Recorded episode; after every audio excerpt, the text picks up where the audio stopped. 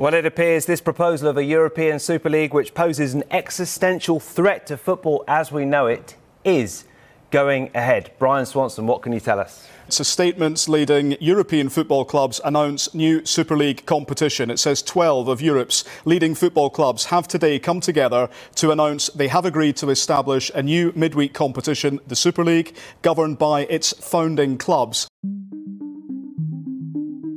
20 av Europas bästa fotbollslag i en superliga.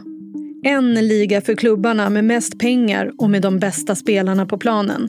En stängd liga för eliten. En Super League. Ja, det var i alla fall drömmen för ägarna till några av världens största fotbollsklubbar.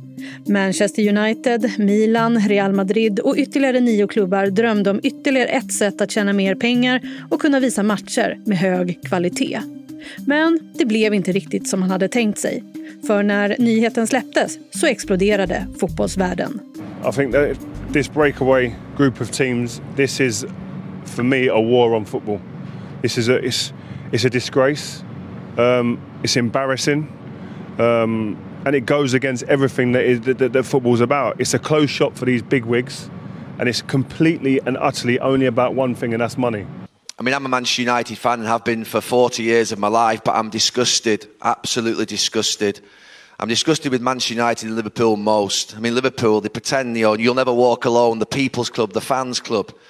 Manchester United, 100 years, born out of workers around here. And they're breaking away into a league without competition. Ja, så där sa Rio Ferdinand och Gary Neville, båda tidigare fotbollsspelare i Premier League i England. Och det var inte bara de som reagerade. Fansen var också upprörda. When you take a, a league and you make it a bit of a closed shop, it's just completely unfair. It defeats the point of competitive football. Som sagt, det diskuterades flitigt i media om hur fotbollen som vi känt den nu var död. Världens största sport var på väg att förändras för all framtid. Men protesterna blev som sagt högljudda och efter två dagar började de brittiska klubbarna dra sig ur, en efter en. Drömmen om Super League levde i ungefär 48 timmar. Nu vet ingen riktigt vad som kommer hända med den tilltänkta superligan. Vad sjutton var det egentligen som hände de där dagarna i fotbollsvärlden? Hur skadade har de inblandade klubbarna blivit av det här? Och vad kan vi vänta oss istället? Vi reder ut allt kring Super League i det här avsnittet av Aftonbladet Daily. Jag heter Jenny Ågren. Och Det ska vi såklart göra med vår fotbollsreporter i London, Frida Fagerlund. Och vi låter henne börja med en liten bakgrund till allt ihop. Ja, var man ska, var ska man börja egentligen? Det var ju förra söndagen som det slog ner som en bomb egentligen. Det är klart att man alltid har förstått att de större klubbarna har velat att det ska gå mot en mer, ja, men en mer stängd fotboll där de tjänar lite mer pengar. Eh, men det var ändå överraskande att det här, eh, de här pressmeddelandena släpptes från eh, 12 av de största klubbarna i Europa. Där de meddelade att de skulle bilda en European Super League. Eh, inte så mycket mer än så fick man veta. Och det dröjde ju inte särskilt länge innan kritiken haglade, eh, särskilt här i England där jag bor. Så var det ju, det var det enda man pratade om i princip hela, hela kvällen. Det fortsatte under två dygn och till slut blev ju kritiken så massiv att eh, två av de engelska klubbarna, Chelsea och Man City, fick kalla fötter var på resten av Premier League-klubbarna, hängde på dem. Vilket gjorde att hela förslaget raserades i slutändan. Men det hann hända väldigt mycket under de här 48 timmarna. Så att det kommer ju gå till historien som ja, men en av de mest anmärkningsvärda händelserna i, inom fotbollen någonsin. Frida, vad var dina första tankar när du hörde om det här? Alltså dels att man inte var speciellt förvånad, för som sagt, det här har de smidigt planer kring under ganska lång tid. Det var inte jättelänge sedan som de engelska storklubbarna annonserade Project Big Picture, kallade de det för. Att helt enkelt att de större klubbarna ska kunna kapitalisera ännu mer på fotbollen i förhållande då till, eh, till resten av, av lagen i exempelvis Premier League då, i det här fallet. Så att det är inte överraskande att de vill gå mot ett mer, mer stängt håll och det är ju också anledningen till att Uefa har tvingats göra om hela det här Champions League-formatet som de håller fast vid så hårt. Eh, det kommer att bli ett mer stängt Champions League-format hädanefter. Och det är ju för att tillmötesgå de här större klubbarna som sitter på en massa pengar och således en massa makt inom fotbollen. Men det som var mest överraskande då med det här förslaget som dök upp för en vecka sedan, det var att det, även om det visade sig att det inte var så himla väl detaljerat eller välplanerat som, som det verkade vid första anblick så hade man redan hittat eh, extern finansiell uppback, uppbackning exempelvis. Eh, något som man gjorde att man tänkte att de menar ju verkligen allvar nu. Det här är inte bara ett hot gentemot Uefa för att de ska få igenom sina eh, ja men alltså ännu mer av sina förslag utan det här, det här är på på fullständigt allvar. Och det gjorde ju också att kritikstormarna började hagla fullständigt. Eh. Men Frida, varför blev alla så upprörda då? Vad, är det för, vad, vad skulle vara problemet med att ha en superliga för topplagen i Europa? Det som är intressant är ju att det, det, finns en amerikansk eh, journalist, fotbollsjournalist, och det är väl förmodligen den, den enda amerikanska fotbollsjournalisten som man kanske känner till här borta i Europa, just eftersom fotbollen inte är så stor i USA, och det är Grant Wall. Och han twittrade ungefär samma sak ja men liksom varför eh, finns det någon som kan lyfta någonting positivt med European Super League?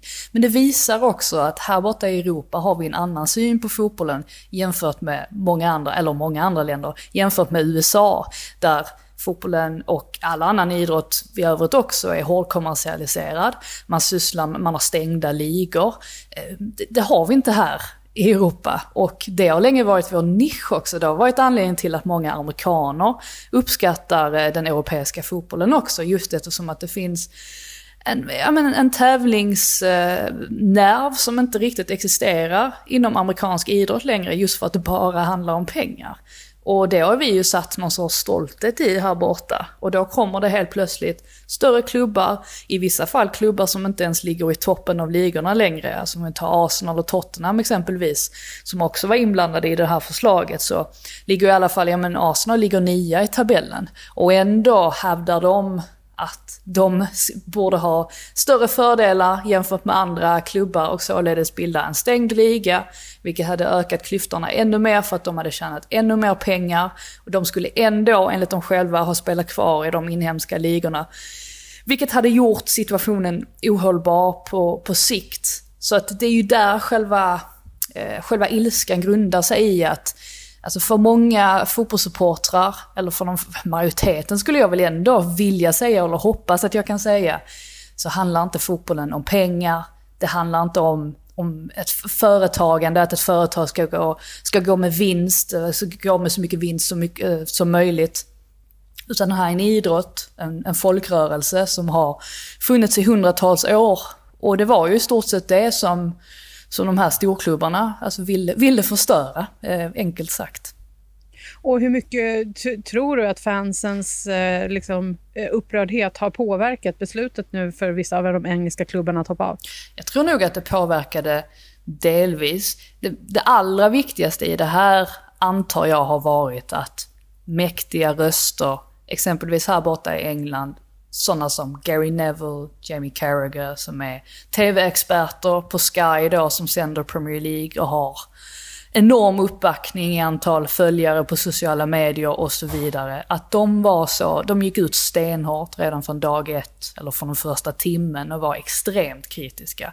Och det var egentligen, de fick ju uppbackning från alla möjliga håll och kanter. Och sen också att Pep Guardiola under tisdagen också gick ut stenhårt. Eh, det är ändå en tränare som han är ju mäktigare än hela Man City, han är större än Man City. Det han anses ju vara, eh, ja, alltså världens kanske absolut bästa tränare då just nu. Och när han gick ut och, och, och sa vad han tyckte om det här projektet och att det här är inte fotboll för mig. Jag tror att det också påverkade Man City ganska mycket. Så att det är säkert många faktorer, men man ska nog inte underskatta ändå supportrarnas makt. Eh, även om man kanske har gjort det väldigt länge och trott att fansen har ingen ja, de, de har inget större inflytande längre. Men jag tycker ändå att det här visar att jo då, till, till viss del så har man eh, fortfarande det, trots då att, att eh, klubbarna bedrivs som rena företag. Hur skadat eh, har nu förtroendet blivit för de här storklubbarna som ingick i Super League? Nej men väldigt skadat skulle jag säga. Alltså då, då menar jag ju ägarna framförallt. Alltså själva klubbarna är ju vad de är. Alltså supportrarna anser ju fortfarande att de klubbarna de håller på att det är deras klubbar. Men eh, alltså då Carragher och Neville till exempel har ju gått ut och varit ganska hårda och menar på att FSG till exempel som äger Liverpool, att de måste lämna klubben, Glazers, en annan amerikansk ägare som, som äger Man United, att de måste lämna klubben. Eh, att förtroendet är så pass eh, förstört att det inte finns någon, någon återvändo. Fotbollen har under de senaste 30 åren handlat väldigt mycket om pengar.